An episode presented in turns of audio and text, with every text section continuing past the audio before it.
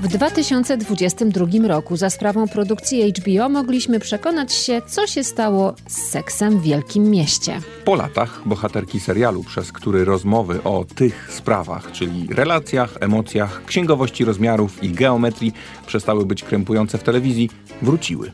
Wniosek jest taki, że seks w wielkim mieście czy w mniejszej miejscowości, a nawet w domach z betonu jest, tylko ludzie się zmieniają, a sam temat dawno uciekł z szafy z napisem tabu.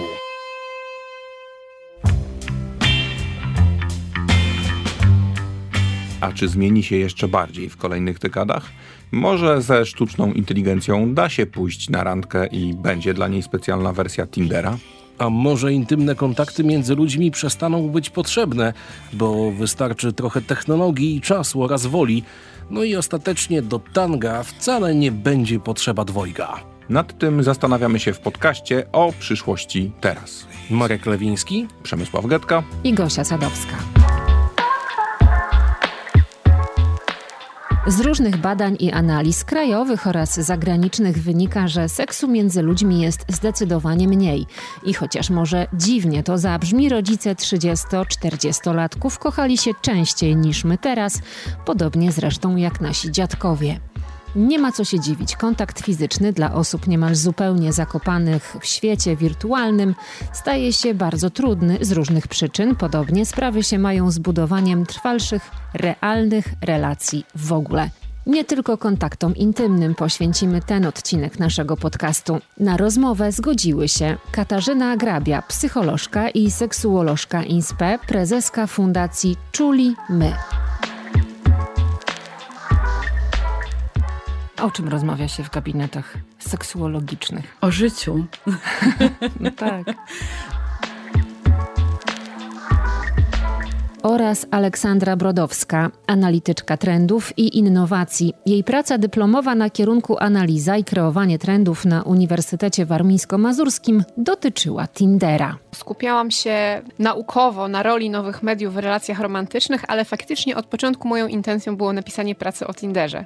E, jednak z racji tego, że no właśnie była to praca magisterska i konieczne było zbudowanie tła akademickiego, to nakreśliłam całą historię używania komputerów do nawiązywania relacji romantycznych między ludźmi, ale faktycznie głównym bohaterem był e, Tinder, który jest aktualnie chyba taką naj, największą, najpopularniejszą, najbardziej znaną platformą, ponieważ od początku miałam taką intuicję, że to nie jest tylko apka randkowa, tylko pewien fenomen popkulturowy wręcz, który wpłynął zarówno na to, jak projektowane są inne aplikacje, nie tylko randkowe, ale wpłynął też na to, jak my jako ludzie siebie traktujemy i stał się też tematem różnych publikacji, filmów. Mamy przecież oszusta z Tindera, który był ogromnym hitem. Co prawda nie jest to film o apce randkowej, niemniej Tinder odegrał ogromną rolę w całej tej fabule.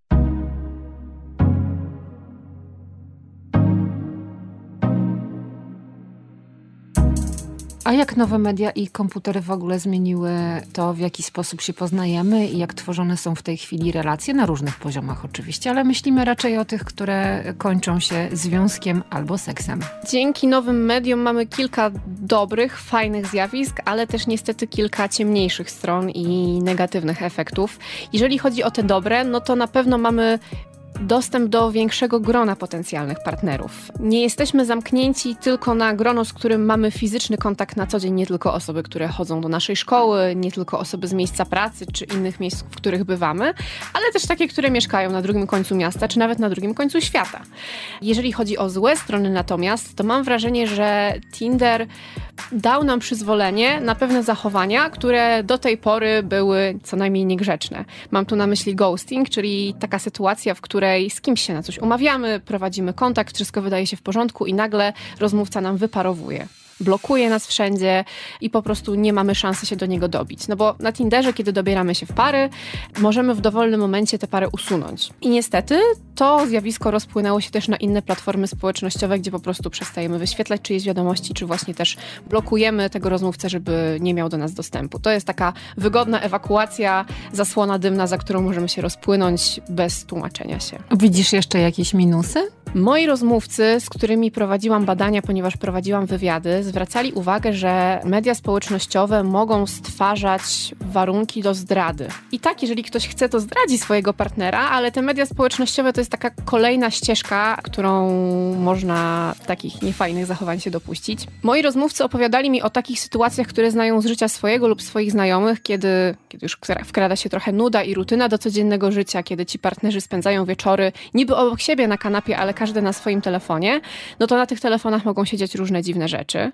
I okazało się, że Tinder jest taką aplikacją, co do której używania nie wszyscy chcą się przyznawać, więc czasem dochodzi do takich wydawałoby się komicznych sytuacji, kiedy ktoś idzie uprawiać flirt albo jeszcze odważniejsze rozmowy w łazience.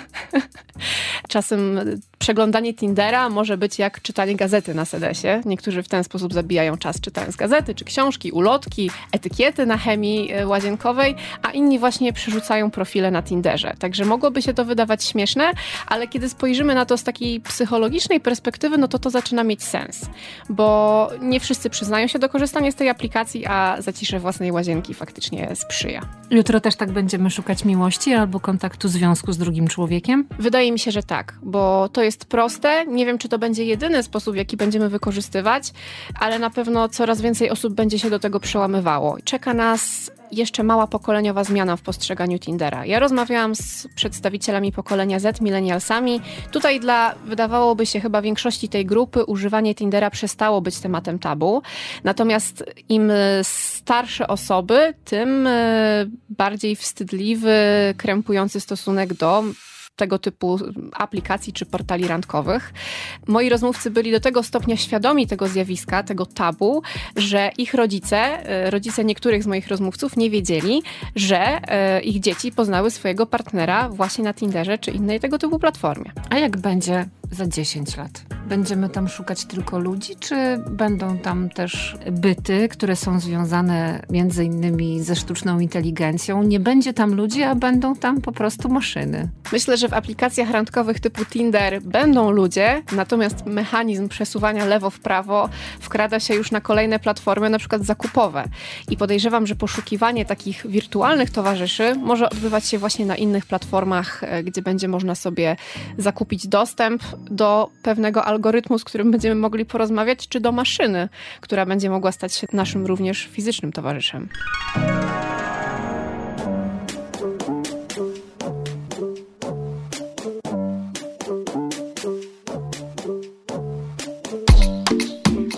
będziemy, a może powinnam zapytać, z czym będziemy uprawiać seks albo spędzać czas w domu? Wierzę, że nadal taką domyślną formą e, czy domyślnym podmiotem, e, z którym będziemy nawiązywać relacje, będą ludzie. Natomiast e, czasem wydaje nam się, że pewne rozwiązania są dziwne, nieciekawe dla nas, nie przyjmą się, ale mogą być atrakcyjne dla osób, które nie mają dostępu do pewnym sensie dóbr, jakimi są relacje czy kontakty seksualne. Wydaje mi się, że roboty czy algorytmy mogą się sprawdzić dla seniorów, dla osób niepostrzeganych jako konwencjonalnie atrakcyjne, dla osób z niepełnosprawnościami, e, dla osób, które po prostu mają utrudnioną ścieżkę do znalezienia partnera. Widzę też potencjał w sztucznej inteligencji dla formy terapii. Już teraz, kiedy w niektórych krajach jest utrudniony dostęp do wsparcia psychologicznego, ludzie konwersują sobie z modelami językowymi typu ChatGPT, które są w stanie w bardzo podobny do człowieka sposób reagować na to, co my zakomunikujemy, co tam wpiszemy, czy co powiemy. Ja mam takie przekonanie, że samotność i osamotnienie to są takie pola, które sprzyjają nowym usługom i produktom. Myślę sobie tutaj o całej Azji. Wydaje mi się, że te azjatyckie innowacje wydają się nam szczególnie dziwne, przez to, że są wygenerowane przez trochę inny kręg kulturowy niż nasz.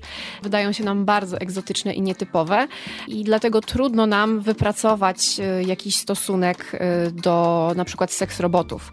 To w ogóle jest bardzo trudny temat i trudno mi udzielić e, takiej jednoznacznej odpowiedzi odpowiedzi, jak powinniśmy traktować seks roboty, bo z jednej strony można je traktować jak każde inne zabawki czy urządzenia AGD, które służą ułatwianiu czy umilaniu naszego życia, ale z drugiej strony są o tyle nietypowe, że mm, wpływają też na naszą psychikę.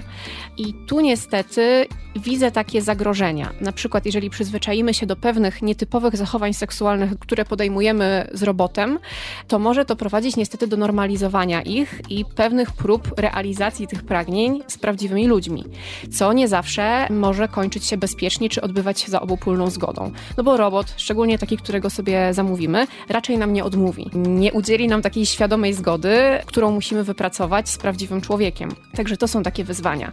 Pytanie, czy seks z robotem należy traktować jako zdradę. Bo o ile współcześnie już raczej używanie różnych zabawek w sypialni nie jest traktowane jako zdrada, no to tutaj właśnie taki robot jako nietypowa zabawka może być traktowany inaczej i ja wcale bym się takiemu partnerowi nie dziwiła. Jeśli by pomyślał, że to zdrada. Tak. A jeśli partnera nie ma, a są potrzeby? No właśnie, to jest kwestia regulacji rynku takich zabawek i tak jak mówiłam, nie jestem w stanie tutaj udzielić jakiejś rekomendacji, jak do tego podejść. Widzę tutaj też takie inne wątki, które mogą się pojawić, bo niestety roboty, znaczy stety, niestety, zależy dla kogo, takie seks roboty z reguły są tworzone na podobę kobiet. Męskich seks robotów jest o wiele mniej. No i tutaj takie feministyczne podejście może też racjonalizować produkcję takich robotów, ponieważ takie roboty są tworzone według bardzo powszechnych kanonów piękna, z obfitym biustem, długimi włosami, bardzo wąską talią. No prawdopodobnie takich kobiet nie ma, jak tworzone są roboty. I utrwalanie takich stereotypów kanonu piękna może być e, uznawane za szkodliwe.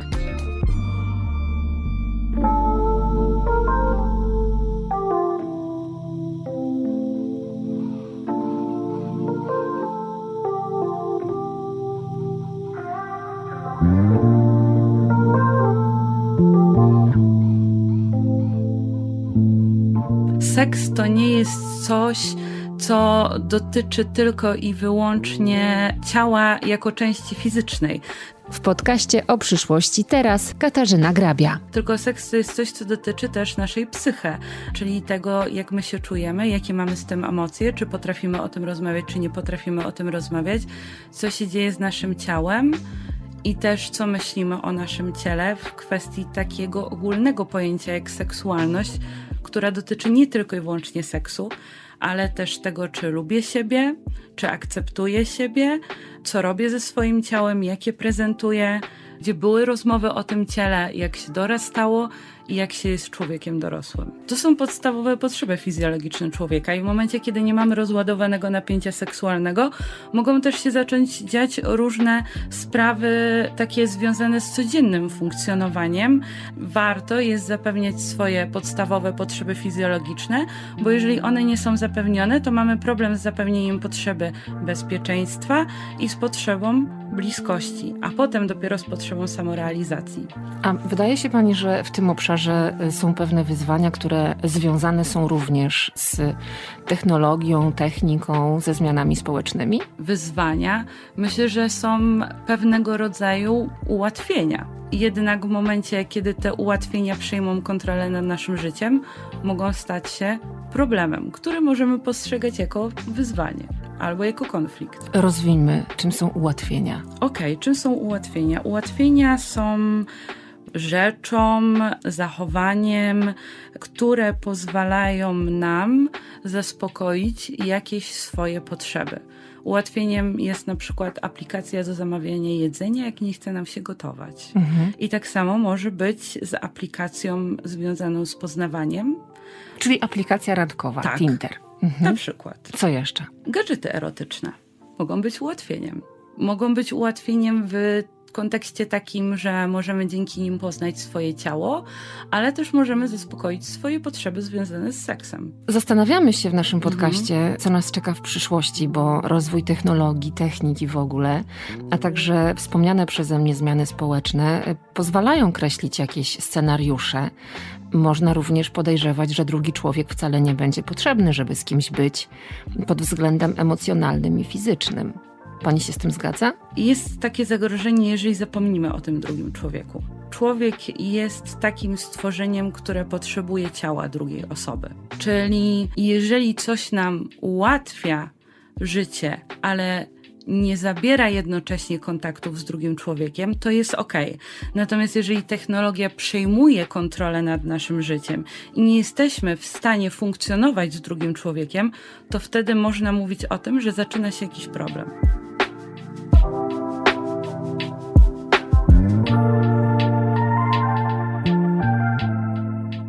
Ogóle z robotem można się związać. Nie wykluczałabym możliwości, że ktoś może poczuć, że tworzy relację z robotem.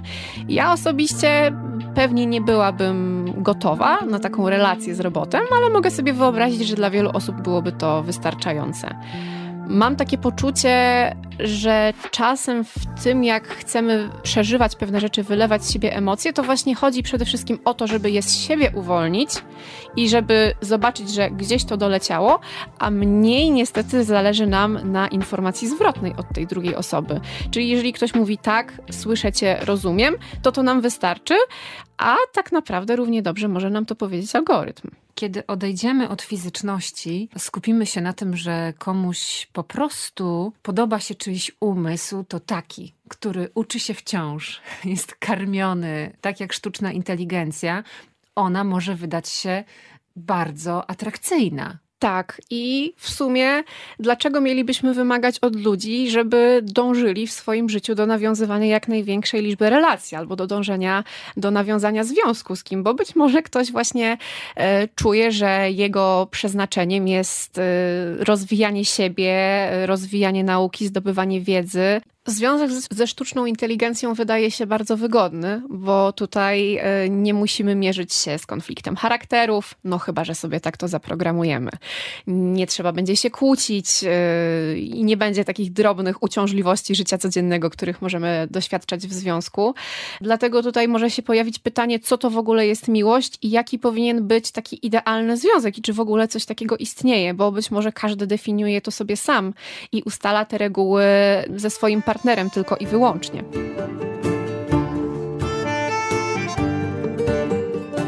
Uczucia, emocje, a co za tym idzie również seks, to jest coś, co towarzyszy nam od początku istnienia ludzkości i bez tego by jej nie było. I zastanawiam się również nad tym, czy e, na przykład rozwój e, technologiczny nie doprowadzi do tego, że osiąganie przyjemności będzie jednoosobowe, a będą temu towarzyszyły zabawki, substytuty, sztuczna inteligencja, rozszerzona rzeczywistość, bo skoro już dzisiaj można spełniać erotyczne fantazje, uprawiać seks na odległość przy pomocy aplikacji i odpowiednich gadżetów, no to co będzie za 10-20 lat? To zależy od nas, jak daleko damy sobie popłynąć, bo jeżeli docenimy wartość tej drugiej osoby, która jest obok nas, i wartość tej bliskości, tej cielesności, zrozumiemy, że ciało do ciała powoduje taki efekt w naszym organizmie, który jest niepowtarzalny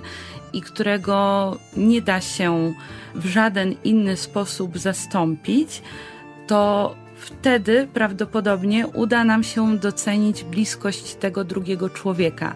Natomiast jeżeli będziemy widzieć tylko i wyłącznie korzyści po stronie technologii, to może zacząć to prowadzić do tego, że się wycofamy z życia codziennego, wycofamy się z tych kontaktów z drugim człowiekiem i wtedy ta technologia nas pochłonie. A czy można zakładać, że w przyszłości bycie z robotem, bądź też w jakiś sposób ze sztuczną inteligencją po prostu będzie łatwiejsze? Ten drugi człowiek jest dla nas pewną tajemnicą, zagadką. Oczywiście możemy się poznawać przez lata, mm to mhm. by było w ogóle super, gdybyśmy się poznawali i nie przestawali poznawać. Mm. Skoro tak trudno jest być z drugim człowiekiem, to może łatwiej nam będzie z czymś innym. Pewnie niektórym tak. No bo jeżeli mamy do czynienia z czymś, co jest zaprogramowane, oczywiście może się uczyć nas, naszych potrzeb, tego, co jest e, dla nas ważne, czy też może w jakiś sposób nam sprawić przyjemność i może nawet szybciej się nauczy,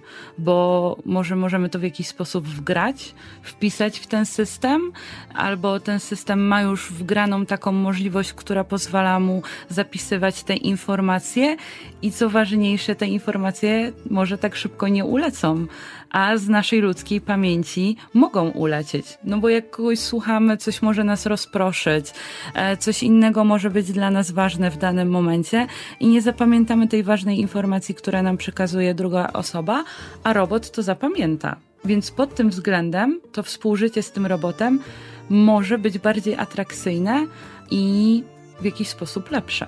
Jak z Panią rozmawiam, to mam wrażenie niemożności generalizowania tego tematu. Ani seksu, ani seksualności, ani e, bycia w związkach, bo jest to po prostu sprawa indywidualna.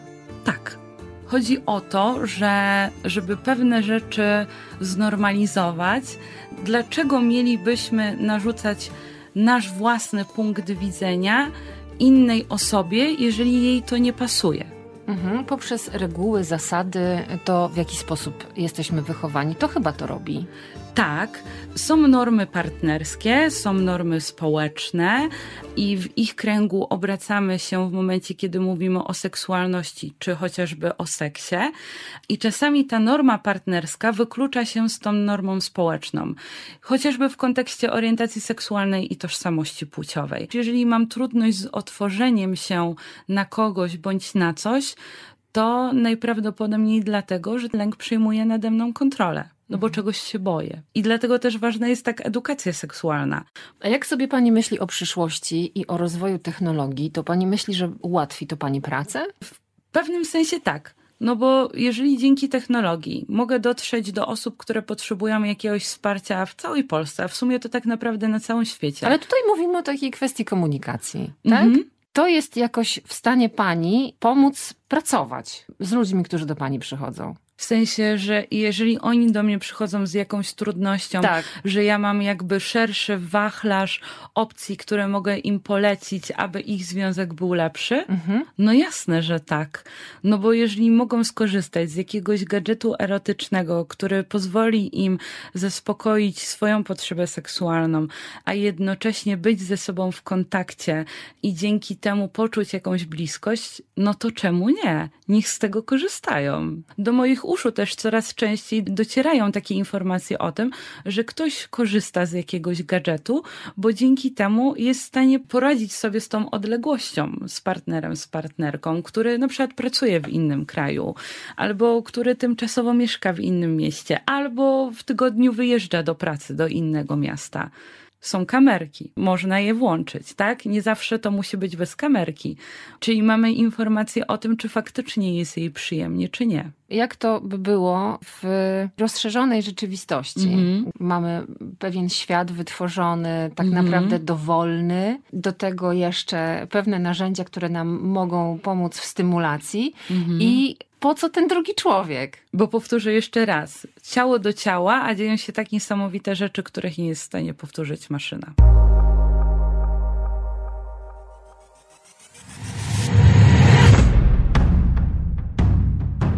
Wydaje mi się, że dostępność takich nowoczesnych produktów czy usług na rynku może być trochę ułatwieniem podejmowania trudnych tematów, czy ze swoim dzieckiem, czy z kimś w naszym otoczeniu. W podcaście o przyszłości teraz mówi Aleksandra Brodowska trochę na podobę takich książek dla nastolatków, które rodzice wręczali swoim dzieciom, kiedy te wchodziły w etap dojrzewania.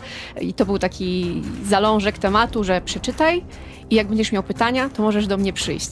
I wydaje mi się, że z innymi nowinkami może być podobnie, chociaż nie wyobrażam sobie, żeby ludzie prezentowali sobie seks roboty, chociaż z tego, co widzę na grupach kobiecych, to takie gadżety erotyczne stają się coraz popularniejszym prezentem od przyjaciółek dla przyjaciółki, na przykład na urodziny. Jesteśmy dość skrajni jako polskie społeczeństwo, takie mogę skomentować, e, w podejściu do takich tematów związanych z intymnością czy seksualnością, bo mam wrażenie, że dmuchane lalki były w pewnym sensie memem, trochę były śmieszne, takim zabawnym prezentem i śmiesznie było zrobić sobie zdjęcie na imprezie z taką lalką, ale myślę, że gdyby te same osoby zostały przyłapane, on właśnie przyłapane, a nie zauważone na korzystaniu z takiego gadżetu zgodnie z jego przeznaczeniem, to wtedy mogłyby się już czuć skrępowane, że są widziane w towarzystwie właśnie takiej lalki. A uważasz, mhm. że teraz łatwiej jest rozmawiać o relacjach intymnych, o potrzebach seksualnych? To jest trochę łatwiejsze, nadal nie jest łatwe i bardzo indywidualne, bo wydaje mi się, że są osoby, które w różny sposób odblokowały się i dojrzały, żeby swobodnie rozmawiać na tematy związane z seksualnością, ale nadal rozumiem i widzę w swoim otoczeniu osoby, dla których to jest temat tabu, krępujący i którego nie podjęliby nawet prawdopodobnie z najbliższymi przyjaciółmi. I jak to jest, że coraz łatwiej można się znaleźć, a coraz trudniej zbliżyć? W tej materii uprzedzam, nie powiedzieliśmy jeszcze ostatniego słowa. Obiecuję suplement, bo te rozmowy to dopiero szczyt góry lodowej.